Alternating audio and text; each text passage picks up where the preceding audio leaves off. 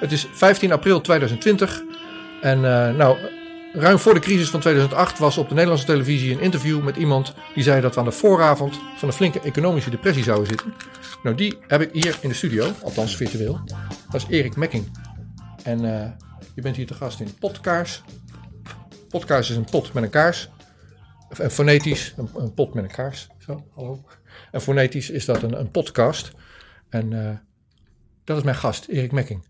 Welkom. Ja, ik heb hier dus een cameraatje erboven hangen. En zometeen, nou kan ik ook nu wel doen. Ik wil een heel klein stukje voorlezen uit jouw boek. Eén Goedemiddag uh, Rico. Kijk, dat is Erik's boek. Daar ken ik, ken ik hem van, zeg maar. Deflatie en aantocht. Hallo Erik. Goedemiddag. Zo. Waar, uh, ik ben in Almere. Waar ben jij? Ik in Diemen. Diemen, nou ja. Nou, niet zo ver weg, maar ja, we moeten anderhalve meter in ieder geval houden. En, uh, en, nou ja, daar komen we ruimschoots aan nu. Komen we ruimschoots Hou je er ook aan of niet? Hoe, uh, hoe, uh... Ja, en als ik me ook maar een beetje vergis, word ik wel gecorrigeerd door mijn vriendin. Oh ja. oh god, god. Oh ja. Die zit, die zit in het basisonderwijs, dus die um, volgt het allemaal heel nauwgezet. Die heeft nu allemaal gesprekken met kinderen. Ja. Via de, de hè, online, zeg maar. Ja. Dus die leert een heel nieuw um, pakket aan middelen hoe ze online kinderen kan instrueren, bijhouden, bijpraten, et cetera. Ja.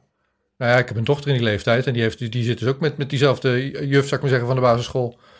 Oké. Okay. Te, te, te... Nou, ik zit aan de andere kant, hè? Ja, ja. ja. Oké. Okay. Um, nou, welkom. En uh, ja, ik, ik, ik ben je wel eens tegengekomen uh, al een tijd geleden. Uh, ook ben je langs geweest en je hebt mij daarin dingen geleerd. Daar wil ik op, op verder vragen. Ehm, maar de, de context van dit gesprek, wat, wat ik eruit wil halen met jou, is die coronacrisis. En ik wil dat ding in, in perspectief. En, en de economische crisis van nu. En dat wil ik in perspectief plaatsen. Met eerdere depressies, pandemieën. Zoals de Spaanse griep. En dat vraag ik aan jou, omdat jij daar boeken over geschreven hebt. Zowel die Spaanse griep als. Uh, uh, nou ja, onder andere je boek Deflatie en Aantocht. Je hebt meer boeken geschreven. Ja. En dat doe je nog steeds. En ik wil, ik wil leren. Ik wil, ik wil weten wat we kunnen leren van wat we in het verleden gedaan hebben. Of verkeerd gedaan hebben als mensheid of zo. En jouw visie op wat we nu aan het doen zijn met elkaar. Met die anderhalve meter onder andere. Nou, Deden ze dat vroeger ook al? Deden ze dat vroeger ook al met die Spaanse griep? Was dat ook anderhalve meter? Of, uh... Nou, het was niet over een anderhalve meter, maar wel ongeveer dezelfde. Er is niks nieuws onder de zon. Dus gewoon zoveel mogelijk uh, afstand van elkaar bewaren. Uh, ja. handen wassen, frisse lucht, et cetera. Nou, frisse lucht nou niet, hè? We moeten niet het bos in. En ook niet naar het strand. Nee, nee, nee. Maar goed, dat, dat was destijds wel het, het devies. Ja. Maar goed, wat ik maar wil zeggen is, op zich is er niet zo heel veel veranderd. Okay. Ik bedoel, um, en, en, het is een nieuw, nieuw virus, dus um, het menselijk lichaam herkent het niet, vandaar dat het dus ook zo gevaarlijk is. Ja. Sommige mensen trekken dan wel parallel met de, met de jaarlijkse uh, uh, griep. Ja. Maar ja, dan heb je een, een, een influenza A-virus, die wel muteert, maar die toch redelijk bekend is. En daar hebben we dan ja, aan het begin van het jaar, als die griep in het, zuid, het, het zuidelijk halfrond heerst, worden die stammen al opgepikt door de WHO. En dan worden ze hier bekendgemaakt. En dan gaan die farmaceutische bedrijven dan mee aan de slag om een vaccin te maken voor het najaar. Ja. En uh, dan is er dus ook een, uh, de bekende griepprik. Maar nu hebben we dus een nieuw virus. En ja, iedereen zegt van ja, een vaccin, een vaccin. Ja, dat, dat gaat dus nog wel even duren. Hebben wel ik zou er minimaal een half jaar, drie kwart jaar mee bezig. En vooral omdat het een nieuw virus is. Uh, en dat maakt het dus zo gevaarlijk. Ja. Um, want je krijgt allerlei beweringen, vergelijkingen, wat, uh, wat ze wel bijhouden. En nu heb je ook nog weer met appjes, wel of niet. En hoe betrouwbaar zijn ze. Nou, af en toe zie ik door, zelfs door de bomen het bos niet meer. En um, ook die virologen, die, die zegt uh, je moet rechtsaf. Die andere zegt je moet linksaf, die moet, die moet rechtdoor. Dus iedereen heeft een mening. En, en dat begrijp ik ook wel, omdat als er dus een nieuw virus is, is er bij zeg, SEC niks bekend. Dus dan heb je heel veel ruimte om te speculeren. Ja, nou, maar dat, van de virologen snap ik dat niet. Want die hebben toch. Die, hun vak is historisch perspectief plaatsen van, van een nieuw virus. Dat is niet. Dat, dat zo'n virus zo af en toe ontstaat, is niet nieuw. Dat, dat had je vaker. Kijk, die van die. Dat ze ja, met die. Dat, ja, doe maar. Ja, dat is niet nieuw, maar. De, de, dit virus is bijvoorbeeld wel nieuw. Het is een coronavirus. Ja SARS-2-virus. En ehm, ja, normaal als coronavirus, dan krijg je een beetje, word je een beetje verkouden van. Nou, hier is dus wel iets meer aan de hand. Ja, ja, ja. Dus, en, en vandaar dat ook in het begin, en dat zie je, en dat is ook weer waarom ik dit boek heb uitgebracht, als e-book.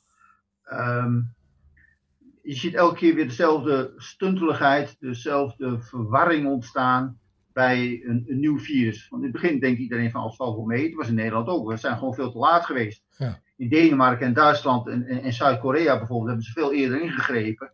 En dan kun je het zeg maar beperken, kun je het lokaliseren en kun je het onder controle houden. Maar wij hebben daar veel te lang mee gewacht.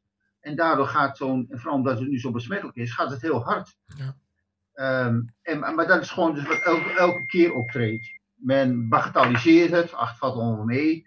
En dan hebben ze het grootste eufemisme, vind ik al, eh, eh, eh, een griepje. Dat woord zouden ze mo- moeten verbieden in de Nederlandse taal, want dat bestaat niet. Of je hebt een zware verkoudheid, of je hebt de griep. Maar een griepje bestaat niet. Nou, en griep kan je ook doodgaan. Dus in die zin is dat zeker wel erg. Ja, zeker. Maar- ja, zeker. Maar je moet Maar wel de, de, de maatregelen die we nu treffen, ik bedoel, daar heb ik wel mening over. Het, het, je wordt er hartstikke ziek van, hartstikke nare ziekte, is allemaal waar. En Maar er gaan veel minder mensen aan dood dan aan de Spaanse griep destijds, of niet? Mhm. Ja. Ja, precies. En als je het plaatst in eh, eh, de sterftecijfers van, van de coronavirus, dat kan niet, want we zitten er middenin. Dus je moet zeer terughoudend zijn met daar iets van vinden. Maar tegelijkertijd, op dit moment, is het, een, is het niet erger dan een erge griepgolf, wat betreft sterftecijfers. Maar goed. Nou, Ja, misschien volgende week wel en vorige week nog niet. Ja. Maar ik bedoel, dan hebben we het over de, de sterftecijfers. Dan, hebben we het, dan kijken we er op jaarbasis. En we zijn nu net één maand, twee maanden bezig. Dus het is wel een beetje appels met peren vergelijken, vind ik. Nou ja, ik heb Hmm. gekeken naar eh, sterftecijfers per week, zoals je dat op CBS kan opvragen. En rond Mhm. deze tijd dat we dit gesprek maken, heeft die coronavirus ja, een grotere impact dan eh, de, de, de, de, griepgolf van 2018, zou ik maar zeggen. Maar dat was Ja, vorige week nog niet dat, zo. dat was wel een aardig zware griepgolf, hè, 2018. Ja, het, mijn punt is, nu mogen we de straat niet meer op en hebben we, ontwikkelen we ineens een appje. Ja, ja, ja, ja, ja, ja, ja. Dat maar dat komt omdat het zo eh, ontzettend besmettelijk is. En omdat we niet weten hoe erg het is of wordt ook. Ja, omdat het dus een nieuw virus is. Ja, precies. Oké, de aanleiding voor dit gesprek is, eh, is niet dit, maar we gaan er wel over verder spreken. Want jij hebt kennis van hoe dat dan ging met die Spaanse griep. En dat wil ik in perspectief plaatsen. Maar jij hebt ook kennis. Ja, je bent een, een eh, historicus, schrijver, financieel, economisch analist, beursexpert. eh, ja, geldstromen en het, en het werk van Martin Armstrong. Daar ben je bekend Ja. mee. Nou ja, je hebt mij er ook bij geïntroduceerd. Dus ik wil je vragen, wie was Martin Armstrong ook alweer? Want die heeft juist eergisteren een brief geschreven aan Trump. Dus niet de eerste keer dat hij een brief schrijft naar Trump. Waarin hij zegt in mijn woorden... eh, President Trump, doe de economie voor 1 mei weer open... of je krijgt een economische neergang die zijn weerga niet kent. Ja. Wie is Martin Armstrong en, en wat vond je van die brief? Oké. Eh, wie is Martin Armstrong? Martin Armstrong is een. Hij wordt altijd een Amerikaans econoom genoemd. Hoewel hij geen econoom is, in die zin dat hij niet is opgeleid als econoom, dat alleen maar een pre is. Eh, maar hij heeft eh, physics gestudeerd, natuurkunde. En hij is computerprogrammeur. En hij begon op jonge leeftijd al te handelen in goud.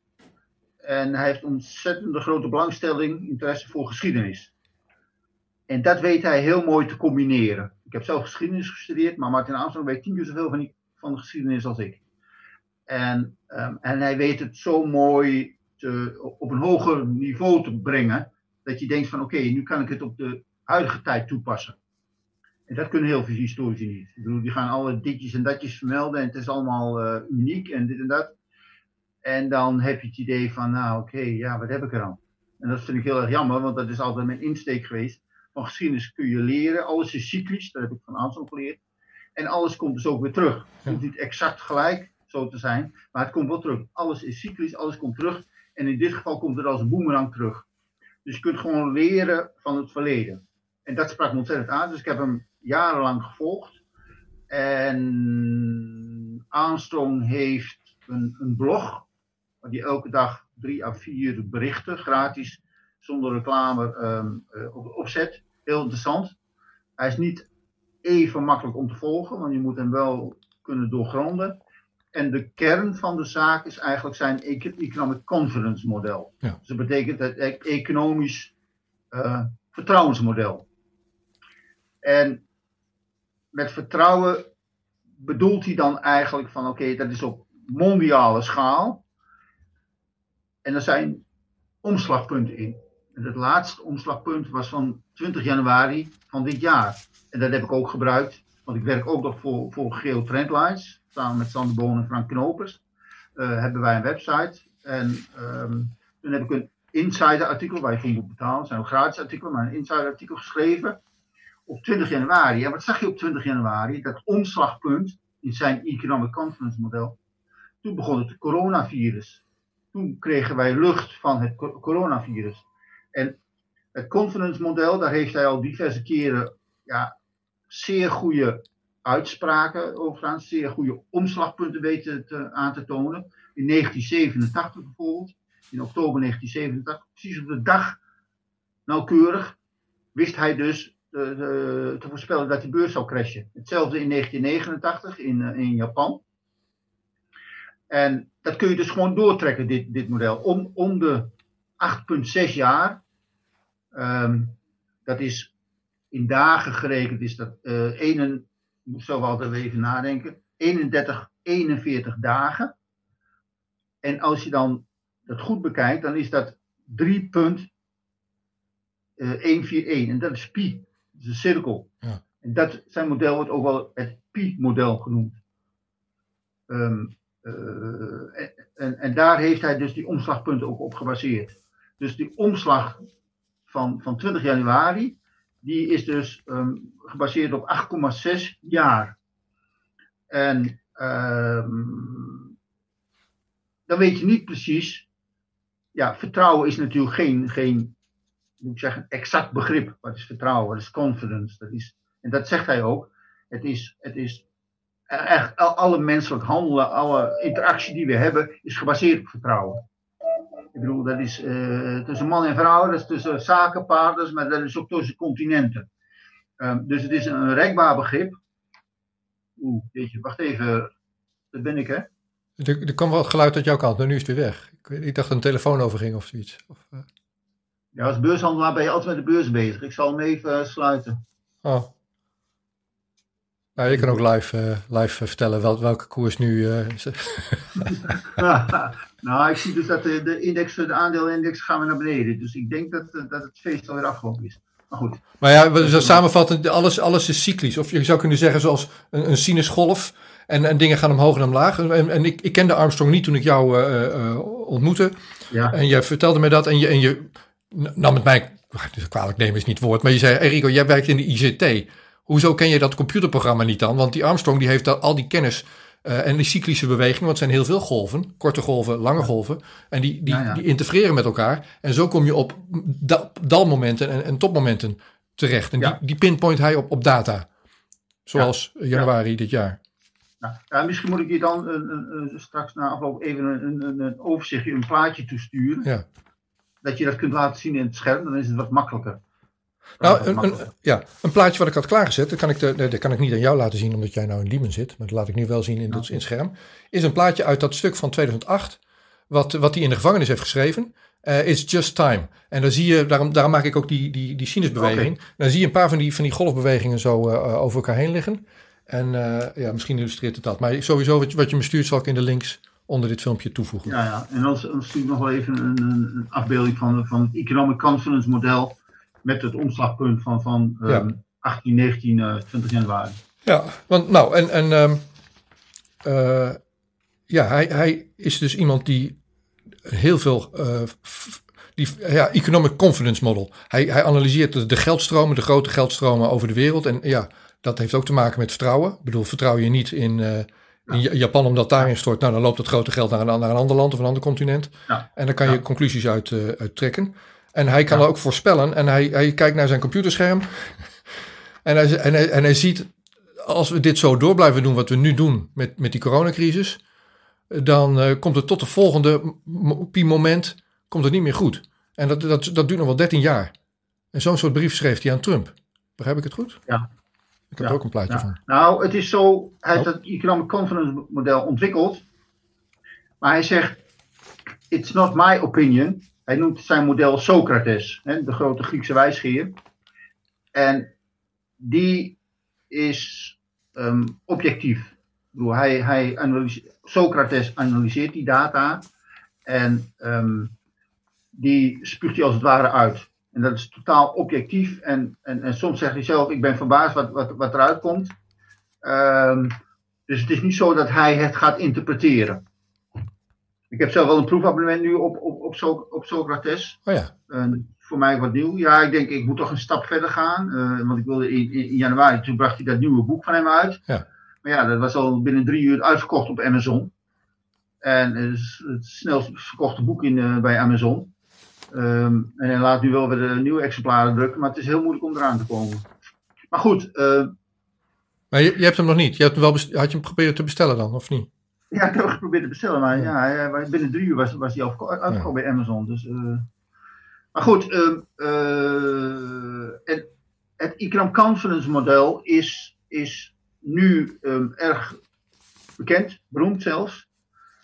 En, um, maar hij heeft er ook heel veel last van gehad in die zin dat hij ook de Amerikaanse overheid diverse keren heeft gewaarschuwd, die politie, van nou, er gaat dat en dat gebeuren.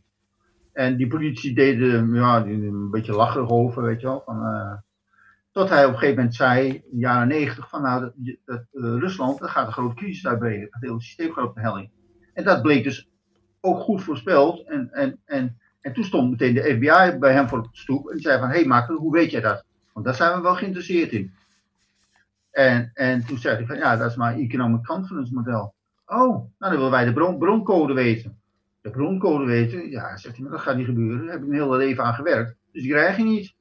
Nou ja, en, en zo is het dus wel gesteld in Amerika, dat als jij de FBI voor de voeten loopt, het CIA, nou, rechtspraak kennen ze dan niet. Dan heeft hij dus, zeg maar, elf jaar in de bak gezeten. Waarvan sommige mensen dan zeggen van ja, als je in de bak zit, dan hè, één keer een dief, altijd een dief. En, en ja, ik kijk daar dan toch doorheen. Um, je had het ook, vroeger had je met ringkamer.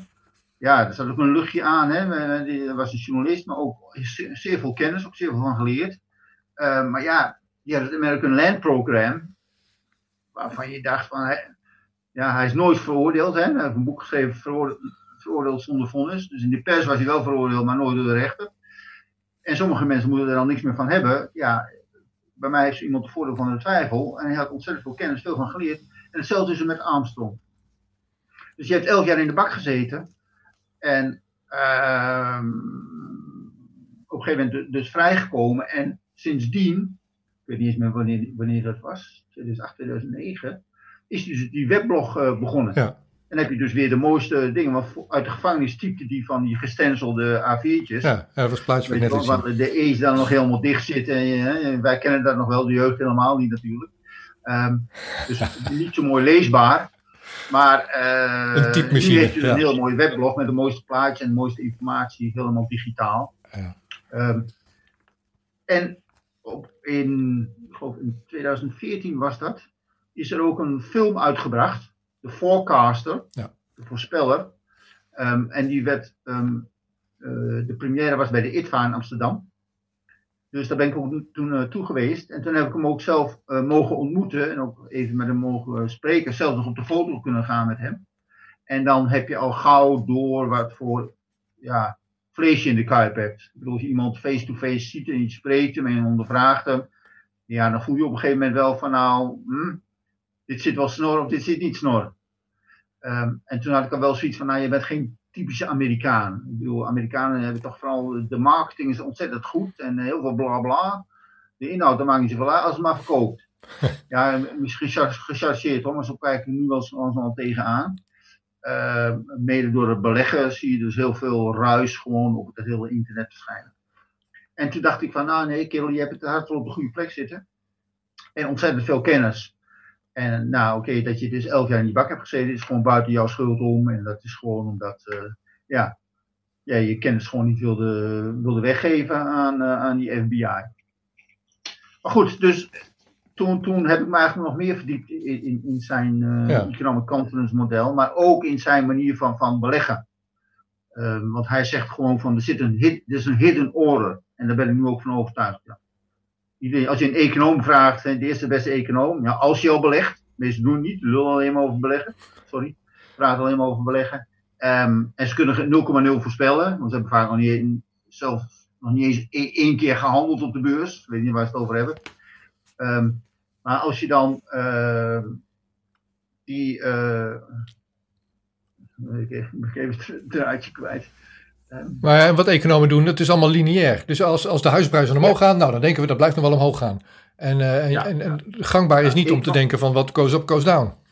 Ja, ik denk dus dat, dat het, het, ja, oké, ik heb ik, ben er weer. Um, ik heb dus toen verdiept in, in, in, in zijn uh, beleggingen, het systeem, mm-hmm. diverse dingen gecombineerd. En dan zie je dus inderdaad dat er, er is een hidden order. En, en um, waarvan iedereen zegt dat het is allemaal at random. Maar goed, dat dachten we vroeger ook, tot de Gruis-theorie uh, boven kwam draaien. En zeiden van, hé, hey, er zit best wel een systeem in, er zit toch wel een orde in die chaos. Ja. En, en zo is het ook met, met, met beleggen, er zit een systeem in, er zit een hidden order. Nou, dat was voor mij een hele, hele um, een verademing, maar ook een, moet ik het zeggen, ik denk van ja, kerel, je hebt gewoon gelijk. Je hebt echt gelijk. En, het gevoel werd um, bevestigd. Wat je eerder voelde, maar niet kon duiden, ja, dat werd ja, nu gekwantificeerd. Dus hij, hij, hij, hij, steeg nog meer in mijn waardering. Oh. En, en ik ben nu wel zover dat ik bijna niemand me volg eigenlijk, maar Armstrong dus wel. Oh. En gewoon door schade en schande hoor. Ik bedoel, toen ik begon met beleggen heb ik wel duizend mensen gevolgd. Ja. En op een gegeven moment kom je erachter van, nou, je, gaat een tijdje goed, nee, nee. En die, die, okay. die meteen al af en bla, bla, bla. Gewoon nou, afstrepen. Nou, top. Die Armstrong, dan ga ik weer terug naar, wat, naar mijn briefje hier zo. Die Armstrong schreef op 13 april, en we nemen dit op 15 april, ja. een brief aan president Trump. En dat is een open brief, want hij zegt er ook bij, ja. kan iedereen het even naar zijn eigen wereldleider mailen, want het is een belangrijk stuk wat ik heb geschreven. Trump, de economie moet open voor 1 mei, of we gaan downhill from here de komende 13 jaar. Ja. Um, nou, wat je nu eigenlijk ziet, is maar dat is niet alleen Armstrong. Uh, ik denk dus dat het, dit een omslagpunt is. Ja. 20 januari. Opkomst van het coronavirus. En je ziet dus nu de e economische impact. Uh, wereldwijd. Ik bedoel, gisteren werd bekend dat het, het IMF maakte bekend dat de Nederlandse economie waarschijnlijk met 7,5% gaat krimpen. En dat is op Italië en Spanje na de grootste krimp ter wereld. Um, en, en, dat is nogal wat.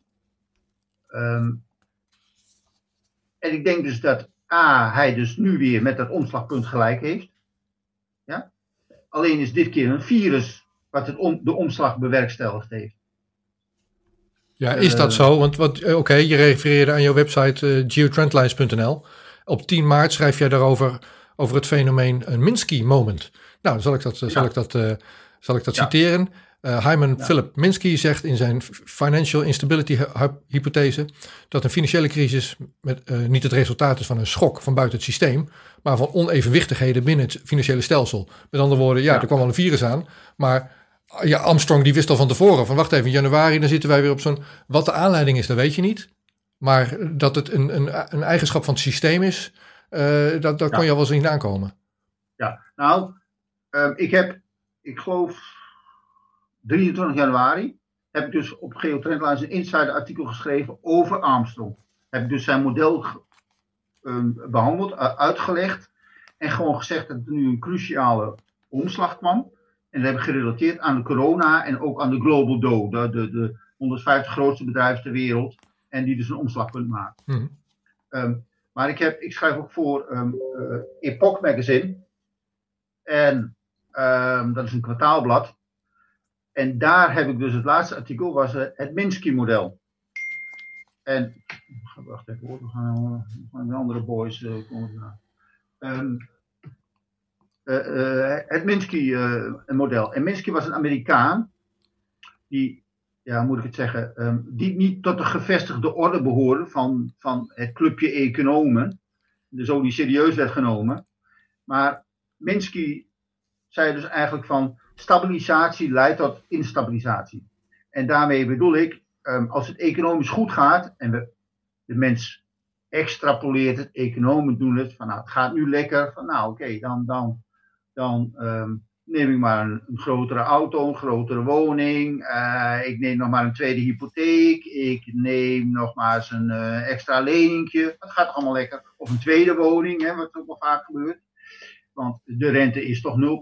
Dus sparen heeft geen zin meer, dus gaan we speculeren.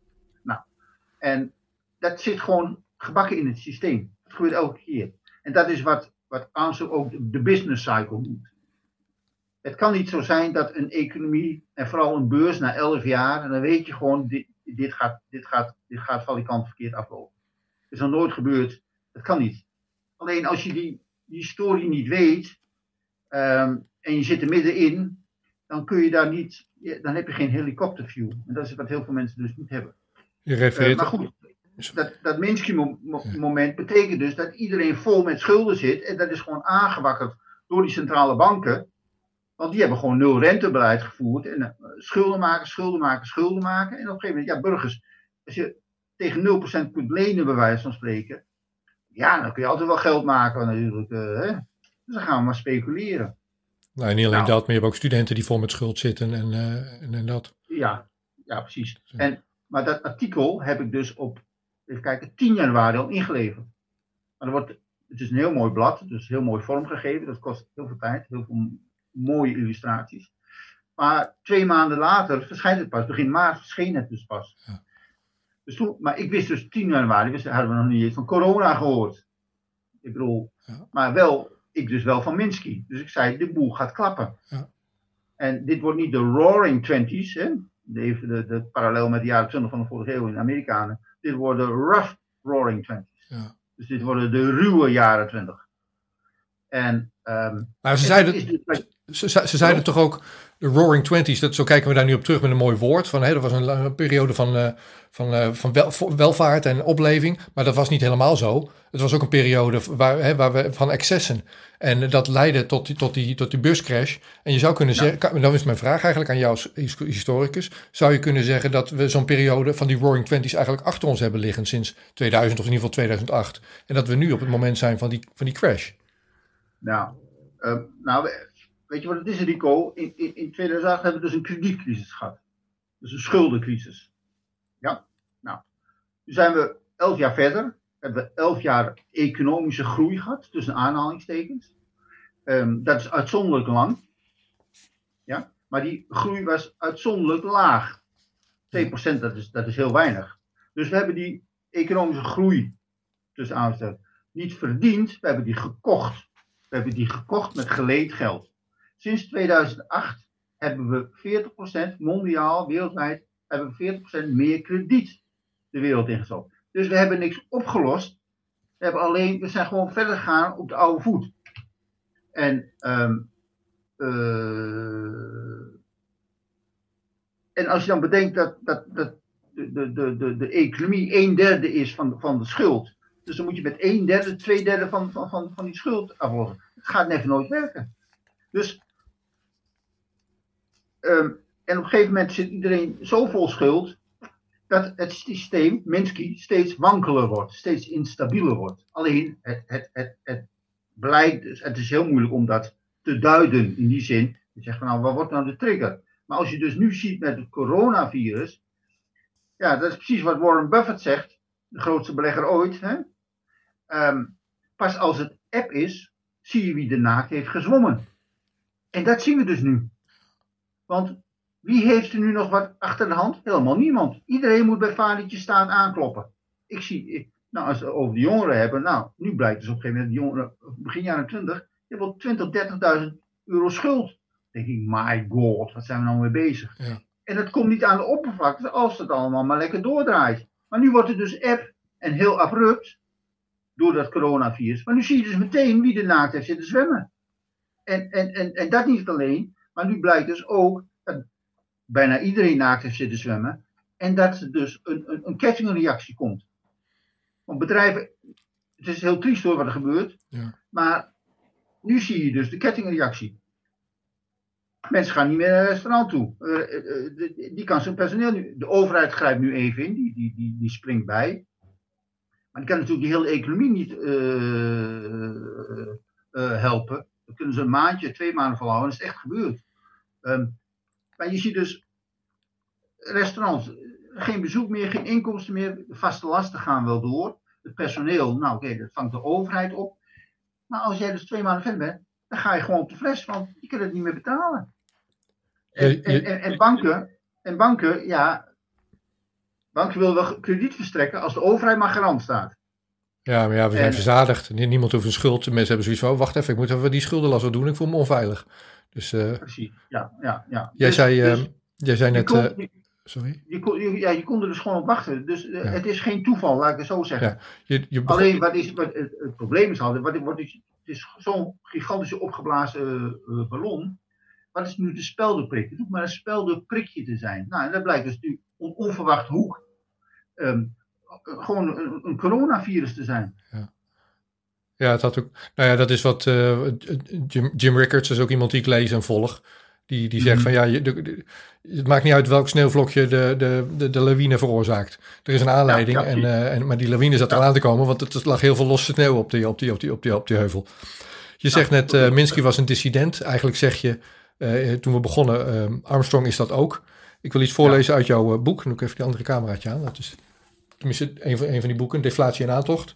Waarin je schrijft, bij het voorwoord van de zevende druk, dat is dan in 2010. Want je had hem geschreven in 2005. Dus voor die 2008-crisis was dit boek. Daarom vond, ik het zo interessant. Van, oh, hier heb je iemand die 2008 aankomen. Dan moet ik even naar luisteren.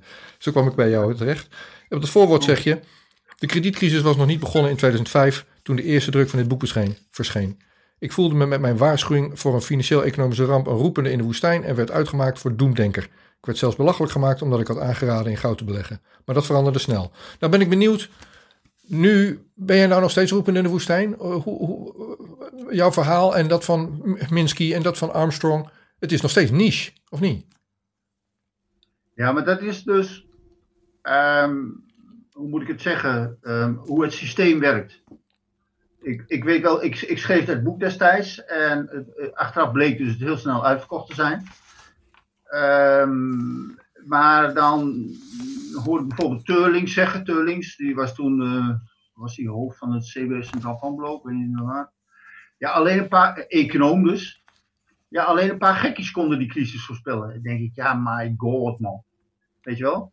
Met andere woorden, van nou, eh, als ik het kan, als als econoom, dan kan ik het. Dan kan niemand het. En die economen, dat is een apart volk, want die hebben zoiets van, nou, iedereen mag, mag over van alles praten, maar wij als economen, dat is ons domein, daar mag je niet aan komen. Want dat is wel zo moeilijk en zo ingewikkeld. Nou, ik vind het bullshit. Het is quite simpel. Het is gewoon een menswetenschap. Alleen die economen, die economische tak van sport, die wil graag een, een, een, een zo wetenschappelijk mogelijk overkomen. Dus zoveel mogelijk wiskunde in een pakketje doen. En zoveel mogelijk met modellen werken. En, eh, en dan is het een beetje meer, een beetje minder. Maar voorspellen, het is 0,0. Dan kunnen ze niks. Echt niks. En, en, en, en dat is ook wat Minsky, Minsky zegt van, van ja, laat eens even, je moet van de mens uitgaan. Wat, wat, wat, wat, wat, doe jij ik nou al- als we, als, als, als we bang zijn? Dan lopen we weg. En dan gaan we niet naar een model zitten kijken. En ehm, dat is ook wat, eh, als ik dan toch binnen die economie een, een, een school moet aanwijzen, dan zeg ik, dat is de Oostenrijkse school. Dat zijn mensen van, oké, die stellen de mens centraal. Hoe gaat die handelen? En, en economie is gewoon maar kopen. Wanneer ga ik nu, ik, stel mijn aankopen uit, of ik ga wel wat kopen. Dat is gewoon menselijk gedrag. Nou, ik herinner me Nout Welling op de, op de televisie in 2008 geloof ik. Die zei, ik zie ongebruikelijke geldstromen. En ik had zoiets van, ik snap dat wel, want ik ben ook aan het pinnen. Volgens mij was heel Nederland op dat moment aan het pinnen. Dat is, dat is, dat is logisch gedrag. Ja, ja, ja, ja, Maar ja, laten, ja, we, ja, laten ja. we even terug naar die, naar die, ehm, naar die, naar die coronavirus en in de context van, eh, van Spaanse griep en van economische gevolgen. Want in, we hadden het net over het boek dat je in 2005 uitbracht, maar in 2006 schreef je het drama van 1918. Dat was de tijd Ja. van de Spaanse griep. En eh, nu heb jij recent, en ik heb dat niet hier, sowieso is een e-book, dus ik kan het niet, ik kan het niet laten zien, maar je hebt een plaatje ervan. Eh, ehm, eh, 25 Nou, eh, maart heb jij dat gekoppeld aan wat er nu gebeurt. Die Spaanse griep heb je gekoppeld met wat er nu gebeurt met corona. Daar heb je hem. Pandemie. Van Spaanse griepvirus tot, eh, tot coronavirus. Kan je mij vertellen, ik heb daar een paar vragen over. Want jij hebt die Spaanse griep bestudeerd. En ik, ik gebruik dat dan ook maar als voorbeeld. Waarvan ik zeg, nou die corona is wel minder erg dan de Spaanse griep. Nou, kan jij mij vertellen, is het minder erg en hoe, hoe verhoudt zich dat? Ja, dat eh, eh, vind ik op zich wel moeilijk, omdat, ehm, eh, nogmaals, het is een nieuw virus. Dus het lichaam herkent het niet. Dat was ook met, laten we met, met de Spaanse griep beginnen. De, de Spaanse griep was, was een, een, een vogelgriep. Vaak al dit soort virussen die, die, die circuleren in de dierenwereld. En, en, en er is niks mis, tenminste voor ons als mensen, zolang het daar blijft. Maar af en toe springt er eh, zeg maar een vonkje over, dan gaat het dus van, van dan springt het over op een mens en dan worden eh, virologen al gealarmeerd. eh, want het menselijk lichaam herkent dat niet. Als jij één keer een griep, griep hebt gehad, hoe lang geleden ook, en het is van dezelfde stam, dan herkent het lichaam dat. Het lichaam onthoudt, heeft altijd geheugencellen. Dus zodra een soortgelijk virus binnendringt, gaat het lichaam als de weerga uh, antistoffen aanmaken. Maar heb je dus, is er sprake van, van, van, van, van een virus afkomstig van dieren, dan wordt het niet herkend door, door, door, uh, door mensen, door het menselijk lichaam. En dan kan het zich dus heel snel verspreiden. En als het dan wereldwijd gaat, x aantal mensen, dan hebben we het dus over een pandemie. En dat was dus het geval in, in uh, eh, 1918 met de Spaanse griep. En het wrangen van de Spaanse griep was dat dus, ja, je moet natuurlijk ook de omstandigheden meenemen. Ik bedoel, we zaten aan het eind van de Eerste Wereldoorlog. Nederland was voor wel neutraal. Maar ik bedoel, we, nou, we leden hier geen honger, maar we, we kwamen was niet zo mooi. Ja. ja. We kwamen toch heel veel tekort. Dus het immuunsysteem was al een stuk minder. De, de weerbaarheid van mensen was al een stuk minder. En, um, en dat speelt natuurlijk een rol, want de grootste um, nou, ik zou zeggen, slachting onder die, die, die, met die dat gebeurde in, in, in Drenthe, in Emmen. En waarom? Omdat ze daar nog, een groot deel van de bevolking leefde nog in die plaggenhutten. Dus dat betekent dicht bij elkaar, slechte hygiënische omstandigheden, en dan gaat zo'n virus razendsnel. In, in, in Den Haag bijvoorbeeld was het aantal dodelijke slachtoffers veel minder, omdat ze daar veel ruimer behuisd waren en veel betere hygiënische voor, uh, uh, omstandigheden hadden. Maar goed, Um, nou, laat ik het zo vragen. Stel, nou dat, stel nou dat we in 1918 waren en het was niet een, dat, dat, dat virus dat van de vogels overgegaan was op mens. En wat, Spaans, wat we nu de Spaanse griep noemen. Maar stel dat we in die tijd dat coronavirus hadden. Had dat dezelfde, had dat dezelfde impact kunnen hebben op de wereldbevolking? Als, als, in, kan je dat voorstellen in 1918, als we toen corona hadden? Of kan dat niet ja, gezegd? Dat, daar maak ik ook een voorbehoud, want het, het Spaans griepvirus kwam in mei zeg maar, um, verspreidt zich over Europa. Kwam, in mei kwam het in, in, Nederland binnen. En toen had iedereen nog over een griepje. Ja. ja. Nou, dat duurde tot en met augustus. En toen verdween dat virus weer. En toen kwam er dus een tweede golf. In het najaar. In oktober, november. Nou ja, die was tien keer zo erg als, als daarvoor. En daarom is het, vind ik het ook heel voorbarig om nu te zeggen van... Oké, we gaan het met een griepje vergelijken. Want het is een nieuw virus. Je weet niet welke kant het uitgaat. En dan zeg ik, ga uit van het slechtste en hoop het beste. En natuurlijk, je kunt, wat Armstrong eigenlijk doet, is van, ja, je gaat die economie meewegen. Dat begrijp ik ook wel. Want ja, je kunt wel in leven blijven, maar als jij dus, um, laat ik gechargeerd zeggen, van nou, uh, straks werkloos bent en, en, en, en, en, en, en um, je kunt je huur niet betalen of je kunt je huis Hè, de hypotheek niet meer betalen en je raakt aan de drank en noem maar op. Ja, wat is dan erger? Ik bedoel, en, en niet iedereen die het virus krijgt, gaat eraan dood. Tot nu toe, er komen mensen voor, jong, jonge mensen voor en, en ook mensen die zeggen van nou, wat, me hier overkomt, dat is verschrikkelijk, dit virus. Dus, um, maar grosso modo zijn toch vooral nog de ouderen met een aandoening die overlijden. Dus kun je de hele economie nu op slot zetten op basis van deze gegevens. Nou, dan denk ik ook van ja, gezondheid gaat natuurlijk boven alles. Maar op een gegeven moment moet je ook kijken, kijken wat Armstrong dus doet naar de, naar de economische gezondheid, naar, naar, naar, de, naar de economische omstandigheden. Want als we die nog een maand verder uh, doortrekken, ja, dan, dan, dan, dan, dan implodeert, dat gebeurt nu al, maar die hele economie gaat eraan. Ik bedoel, dan krijgen we een, en ik denk dat het ook zo gaat aflopen, dan krijgen we een recessie. Van een recessie zinken we verder tot een depressie. en daarbij, in de jaren 30, toen hadden de overheden geen schulden. Want dat was het denken destijds van die economen. Van een gesloten huishoudboekje. Je geeft niet meer uit dan er binnenkomt. toen kwam Keynes, die zei van, nou ja, je moet even, niemand investeert meer wat. Dus Keynes zei van, nou, we moeten even als overheid wat meer uitgeven en die economie aan, aan, uh, aanwakkeren. En dan komt straks, als hij weer gaat lopen, dan komt er wel weer belasting binnen, inkomstenbelasting, belasting. En dan uh, bouwen we die schuld wel weer af. Alleen dat hebben die volgers van Keynes nooit gedaan. Ik bedoel, als er een tientje over was in, in, in het budget, dan staat in de Tweede Kamer altijd al hoe van hoe het verdeeld, hoe het verdeeld, verdeeld moet worden.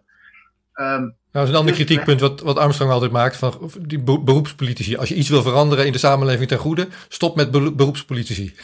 dat het. Ja, ja, ja, ja, ja, ja, ja. ja. Oh, oh. Friedman die zei wel eens van nou, als je, een, een, een, een, een, een, een, uh, als je politici de Sahara-woestijn laat beheren, dan is binnen tien jaar al het zand weg. Dus uh, met andere woorden van ja, maar goed. Maar, de, de, eh, maatregelen die genomen, de maatregelen die nu genomen worden door Trump, door Rutte, door al die, al die mensen, die, uh, alle presidenten en minister-presidenten, um, zijn, ja, ze maken het onmogelijk om je geld te verdienen. Nu staat de economie stil. Ik kan niet mijn geld verdienen. Jij kan niet je geld verdienen.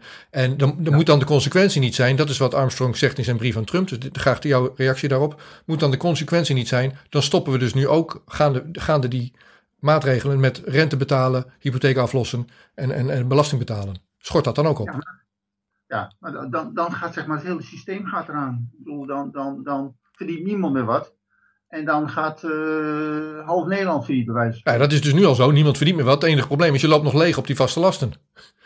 Ja, en, en de overheid springt dus bij. Maar dat is ook wat aanzoek zegt. Uh, er komt een, een, een, een, En ik denk dat het moment nu ook wel eens een beetje aangebroken is.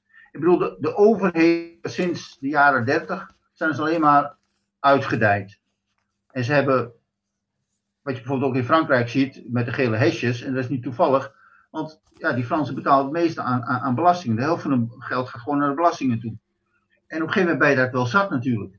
Uh, en er is natuurlijk een grens aan. Ik bedoel, een overheid voor de Eerste Wereldoorlog, hè, in, in het Belle Époque, het mooie tijdperk, was de overheid om, om, om orde en, en, en rechtvaardigheid te, te, af te dingen.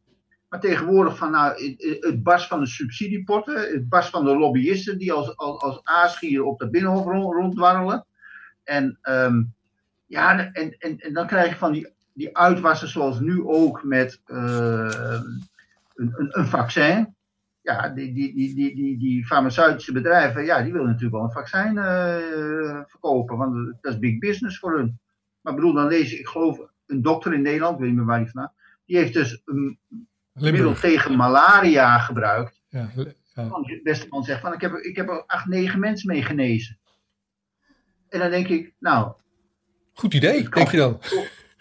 Nee, maar het, het, het kan, daar loop je geen risico mee, want het middel bestaat al sinds de jaren 50. Ja. En, en, maar hij wordt dus op zijn vingers getikt, ik weet niet meer welke autoriteit. Ja, door de gezondheidsraad. Dan moet je mee stoppen. Ja, hydrochloroquine en de gezondheidsraad zegt er moet je mee stoppen. Ja, ja. Nou, en dan denk ik, my god, daar zijn we nou niet goed mee bezig. En dan denk ik van, nou ja, um, dan zie je dus dat, dat, dat ja, de hele maatschappij draait, eigenlijk om geld. Iedereen wil geld verdienen en, en, en, en, en, en, en, en ten koste van. En ik denk dat, ja, in die zin vind ik dus deze crisis, laat ik het zo zeggen, een voordeel daarvan vind ik bijvoorbeeld van, nou oké, uh, mensen hebben wat meer aandacht voor elkaar. Uh, uh, gezinsverband. ik zie plaatjes waar de lucht weer helemaal mooi helder is. En niet iedereen weer een weekendje naar Milaan toe gaat om, om even een nieuw jurkje te kopen, bij wijze van spreken. En denk ik van nou, even back to the basic.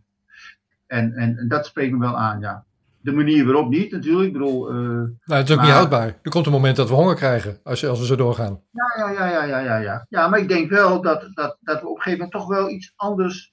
Ja, we krijgen honger. We eten nu toch ook wel gewoon door. Um, dat moet wel. Maar um, ik denk toch wel dat we... Dat het dus even terugkomt op, op, op, op Armstrong. Dat het omslagpunt van hem, 18, 19, 20 januari... Dat was de opkomst van het coronavirus. Dat zie je het aankondigde um, dat dat ook wel een omslagpunt in het denken is. Ook een omslagpunt in de globalisering. Ik denk dat we de top van de globalisering nu bereikt hebben. Dat we nu gaan deglobaliseren. En, en um, ik zeg elke keer een omslagpunt in het Economic Confidence model. Maar je kunt ook spreken van het begin van een nieuwe trend. Ja, ja, ja, ja. dus als die beurs zoals in, in Japan in 1989 naar beneden knikkerde. Nou ja, dat, dat hebben ze nooit meer bereikt, dat hoogtepunt. En sindsdien hebben ze alleen maar deflatie gehad en, en, en, bakken met geld in die economie uh, gepompt. Dus, dus dat was het omslagpunt, dat was het begin van een nieuwe trend. En ik denk dus dat nu het begin is van een nieuwe trend, dat mensen toch voorzichtiger worden. Dat ze toch denken van nou, ik ga niet meer schulden maken, want je ziet het nu, ik, ik, moet gewoon geld achter de hand hebben. En dat gaat zijn weerslag hebben op die economie. Hoe, hoe snel die zich dan ook, of hoe langzaam die zich ook gaat herstellen. Ik denk dat dit veel meer impact gaat hebben op, op de psyche van de mensen en ook op de economie van, van de wereld. Een, een van de ja, maar je zegt einde van de globalisering. Maar ik heb tegelijkertijd te maken met Wopke Hoekstra, die op televisie dan wel uh, zegt van uh, ik heb mijn poot stijf gehouden en ik ga niet meedoen met die coronabonds. Maar ik heb te, tegelijkertijd te maken met de Europese Unie, die zegt nou we gaan weer een stapje verder. Dus misschien, misschien niet globalisering, maar wel EU-isering. We gaan nu coronabonds uitgeven om weer de kick the can down the road. Of hoe zie je dat dan? nou, ik moet zeggen dat ik in dit geval met Hoekstra eens ben. Ja, poot stijf houden. Doe maar niet die coronabonds bedoel je. Nee, nee, nee, nee, nee, nee. Dat hadden ze, als ze dat hadden willen doen, dan dat is de weeffout in het um, euro, uh, eurozonegebied. Dan hadden ze dat vanaf het begin moeten doen. En uh, wat je dus zag in, in, in 2012 hè, met de kredietcrisis. Nou ja, dan is Griekenland staat heel erg voor. Dus als George Soros, een speculant, short gaat op die, op die staatsobligaties, dan gaan ze gewoon gigantisch naar beneden. En dan moeten andere lidstaten allemaal bijspringen om die dingen maar weer op te kopen. Had je, had je nu eurobonds gehad, want dat is het voordeel van die Amerikanen, had je nu eurobonds gehad, dan had Soros daar niet tegen kunnen speculeren. Dan is die markt zo liquide. En dat is ook wat je dus in Amerika hebt. En daarom wordt die dollar alleen maar sterker. Want dat is eigenlijk de enige markt waar je nog, wat, wat, wat heel liquide is. En waar je gewoon dagelijks kunt handelen. En je gaat niet short op Amerikaanse staatspapieren. Dat lukt je niet. Dat is veel te grote markt. Maar in Nederland of, of in Europa is het allemaal ge, gefragmentiseerd. En, uh, dus daar hadden ze vanaf het begin moeten doen, maar nu niet meer.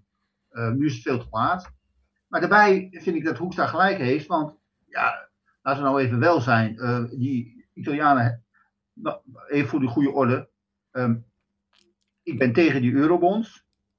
Ja, maar ik ben er wel voor om geld te geven om, om dit, dit coronavirus aan te pakken. Ik bedoel, daar ben ik voor. Gewoon, daar moet je veel mogelijk geld voor, beschikbaar stellen.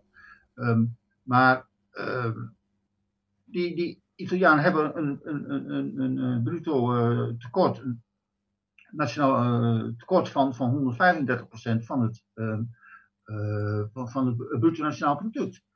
Dus dan denk ik, my god, dat is gewoon al veel te veel. Dat red je gewoon niet.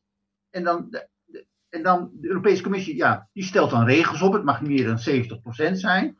Nou, niemand die zich eraan houdt. Dat was met Griekenland ook. Ik bedoel, die, die kwamen al binnen terwijl dan helemaal niet, niet deugde. Maar ja, dat is natuurlijk leuk, de politie. Van, nou, hoe mooi, hoe groter, kijk eens hoe machtig we zijn. En, en, en, en dat is elke keer, als er dan niets gebeurde, worden de. Het is, het is net voetbal, dat deden wij vroeger ook. Als we niet konden winnen, dan gingen we de doelpaaltjes verzetten. Nou, dat doet de politie continu. Of zouden ze niet gaan de spelregels? Nee, zo hadden we niet bedoeld. Dus, en dan kun je wel weer eurobonds uitgeven, dus, maar het is weer krediet op krediet op krediet. Ja, ja.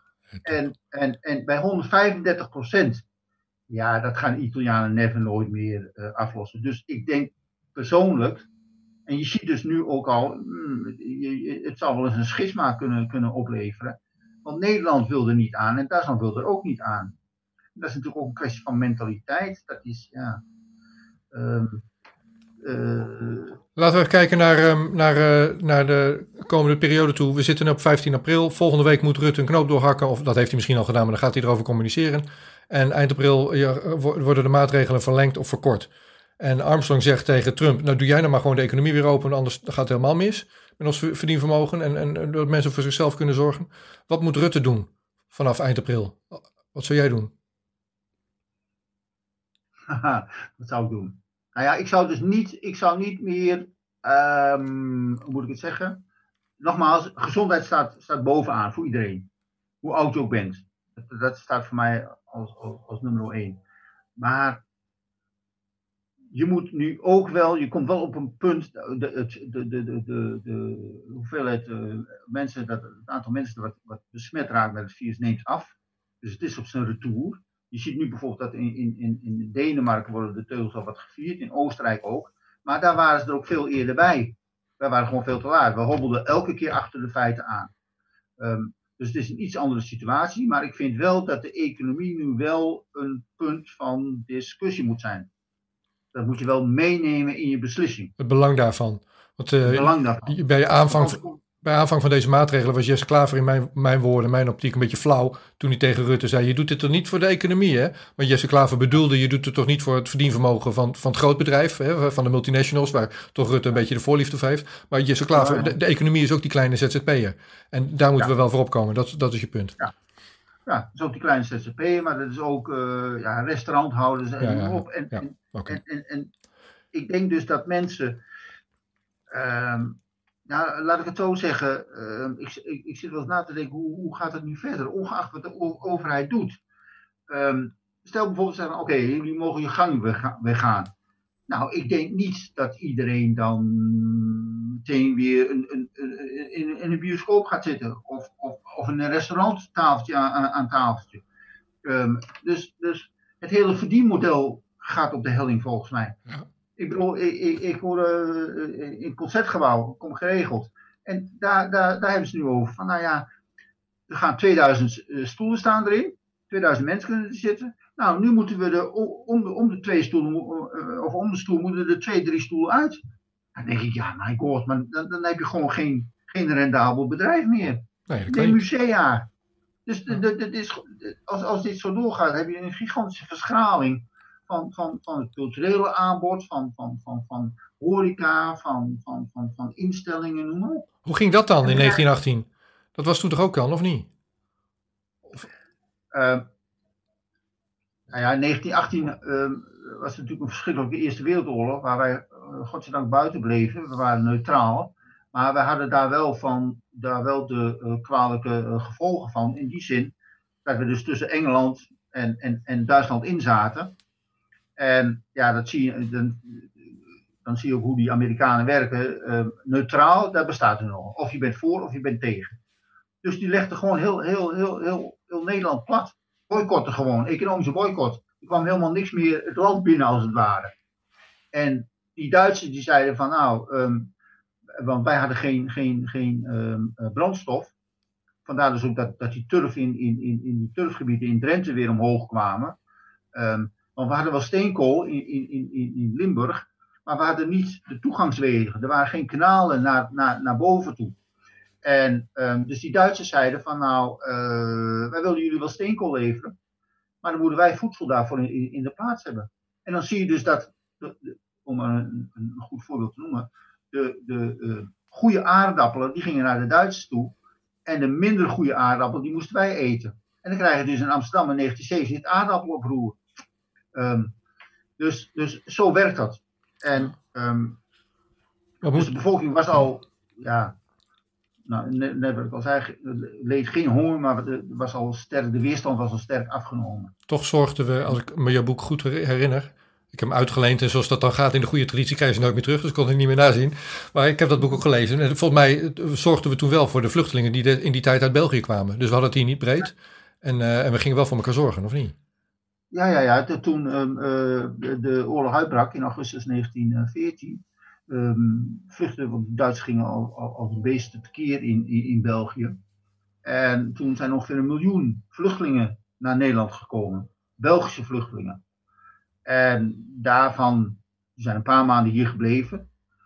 En ehm, toen zijn ze, ongeveer 900.000 is weer teruggegaan, maar ongeveer 100.000 zijn gewoon per- permanent gebleven in, eh, in, in Nederland. Als, als laatste, eh, Erik. Ik heb jou, dit, dit boek heb ik dan nog. Nou, deze had ik ook uitgeleend. Die was ook weg. Maar heb ik, in de heruitgave heb ik een nieuwe gekocht. Eh, Rico. Dan heb ik hem nieuw gekocht, dus daarom heb ik deze nog. Maar aan het eind van dit boek geef je mensen een tip. En dat wil ik je nou vragen. Het is nu twee- 2020. Wa- Oké. Wat zou jouw advies zijn aan, aan mensen die dit terugzien? Van eh, hoe kan je je weerbaar maken voor de, voor de jaren die nu voor ons liggen? Wat, wat moeten mensen doen? Wat moeten mensen doen? Nou, ik ben er nog steeds van overtuigd dat we dus deflatie krijgen. En, en ik heb laatst op eh, deze week eh, ook laten zien dat eh, binnen de eurozone is er nu 0,7% inflatie. Nou, na al dat monetaire geweld van die centrale bank, van de ECB, hebben we dus het, het, het, het doel was van Draghi, gewoon een monetaire dwaas, krankzinnig beleid van die centrale banken, ehm, hebben dat heel af en toe ge- gehad, 2%, maar heel kort. Maar na al dat monetaire geweld zitten we nu op 0,7. Nou, en ik geloof dat het van, van februari is. Dus ik denk dat we de komende maanden er gewoon onderduiken dat we te maken krijgen met deflatie. En dan voor de ehm, nieuwkomers onder ons. ehm, deflatie wil zeggen dat, jouw, dat geld meer waard wordt. Cash is king, geld wordt meer waard. Maar dat betekent dat jouw schuld dus automatisch groter wordt. Dus het eerste advies wat ik mensen zou geven is van, oké, bouw je schuld af. Een beetje lastig op het moment dat je inkomen... Ja, dat is flauw natuurlijk, moet ik niet tegen jou zeggen. Maar ja, mijn, mijn verdienvermogen is weg. Ja. Dus afbouwen wil, nu is het een beetje laat daarvoor. Of niet? Ja, Maar goed, ja, ik snap maar je wel. Dat, dat, dat, dat is het probleem met mensen. mensen en, en wat, wat, ja, wat ik zou, graag zou willen is dat, dat, dat in Aziaten, het oosten doen ze dat veel beter, dat mensen eens een keer leren om cyclisch te denken. Alles gaat op en neer. En als het goed gaat, dan moet je, dan moet je rekening houden met slechte tijden. Ik, in mijn boek heb ik ook het voorbeeld van, van, van, van Jozef in, in, in Egypte. Die al tegen die farao zei van nou, het is goede, zeven goede jaren, vette jaren, zeven slechte jaren.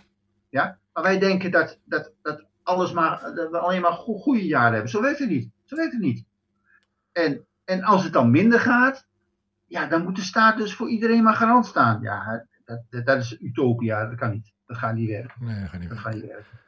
Erik, En daar superleuk. staan wij er in Nederland nog goed voor. Maar zoals in Italië, als je dus al 135% eh, schuld hebt, ja, dan, dan, dan, dan komt er dus een moment, dat zegt het systeem, dan krijg je geen geld meer, dan kun je je schulden niet meer doorrollen. Maar je bent niet meer kredietwaardig. Dankjewel. Superleuk dat je nou een keer in mijn eh, huiskamer was. Ja, tenminste, daar wordt opgenomen. En eh, nou, blijf veilig, Erik. Ja, hou je veilig. Hoi. Oké. Yes, we came, we saw, he died.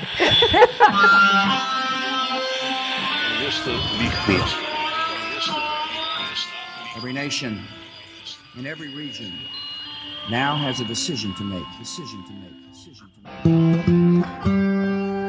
You think I'm joking? Predator drones. You will never see it coming. Laat staan dat ik eh, kan ingaan over vuur.